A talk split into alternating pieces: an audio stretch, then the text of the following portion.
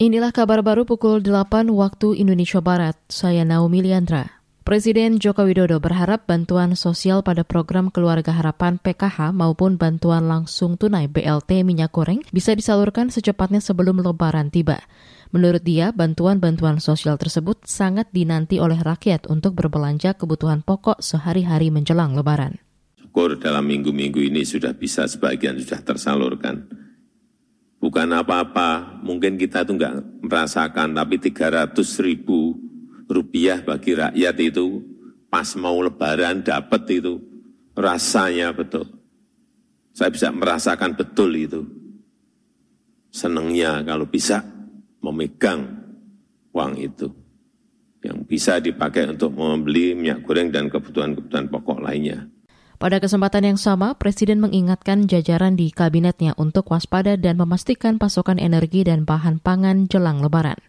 Ia memerintahkan agar setiap kebijakan yang diambil, sikap serta pernyataan pemerintah harus sensitif dan berempati terhadap kesulitan-kesulitan rakyat.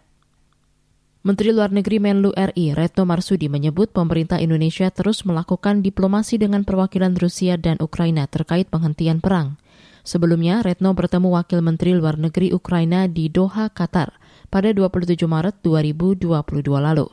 Kemudian bertemu empat mata dengan Menteri Luar Negeri Rusia pada 30 Maret 2022 lalu.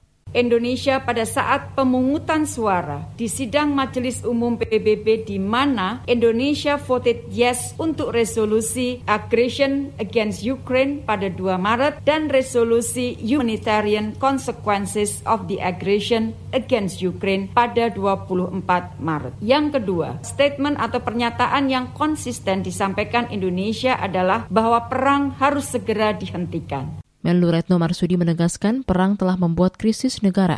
Di Ukraina lebih dari 4 juta menjadi pengungsi di luar negeri, sementara 6 jutaan warga menjadi pengungsi internal. Tak hanya itu, perang juga menyebabkan krisis pangan hingga kesehatan.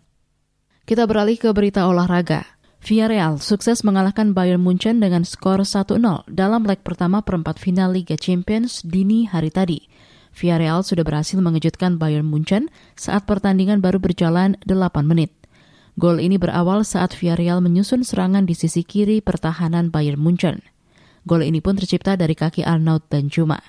Villarreal bahkan sempat kembali menggetarkan gawang Munchen lewat Francisco Culin di penghujung babak pertama. Namun gol tersebut kemudian tak disahkan.